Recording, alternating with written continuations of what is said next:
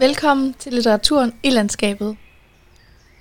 Mange berømte danske forfattere har haft tilknytning til Langeland, lige fra guldaldertiden og frem til i dag.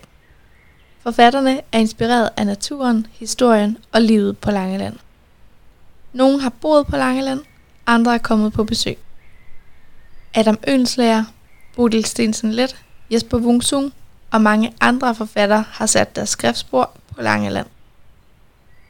Mit navn er Frauke Koch Nielsen. Sammen med Langeland Bibliotek og manuskriptforfatter Helle Solhøj inviterer jeg dig i denne podcast på litterær vandring på Langeland.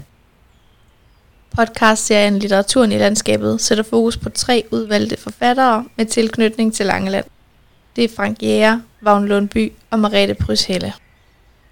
Til hver af de tre forfattere er der tilknyttet en gåtur med 5-6 fortællesteder – du vælger selv, om du vil lytte til fortællingerne, der er knyttet til den specifikke forfatter i et stræk, eller om du vil høre podcasten, mens du går turen i forfatterens fodspor.